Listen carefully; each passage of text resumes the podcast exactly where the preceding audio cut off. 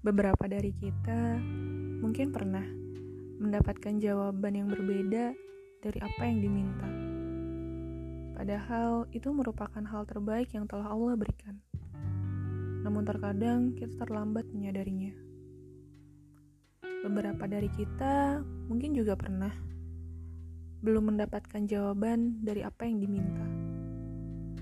Hmm, tetaplah menanti Tetaplah menanti jawaban itu dengan penuh doa dan asa. Allah sedang menyiapkan suatu kejutan yang besar bagi hambanya yang mukhlis dan mau bersabar. Lalu, apakah pantas jika kita kufur atas rencana Allah? Padahal itu lebih baik dari apa yang kita minta. Tenangkanlah hati. Jika memang harus menanti, ya karena ini merupakan situasi terbaik.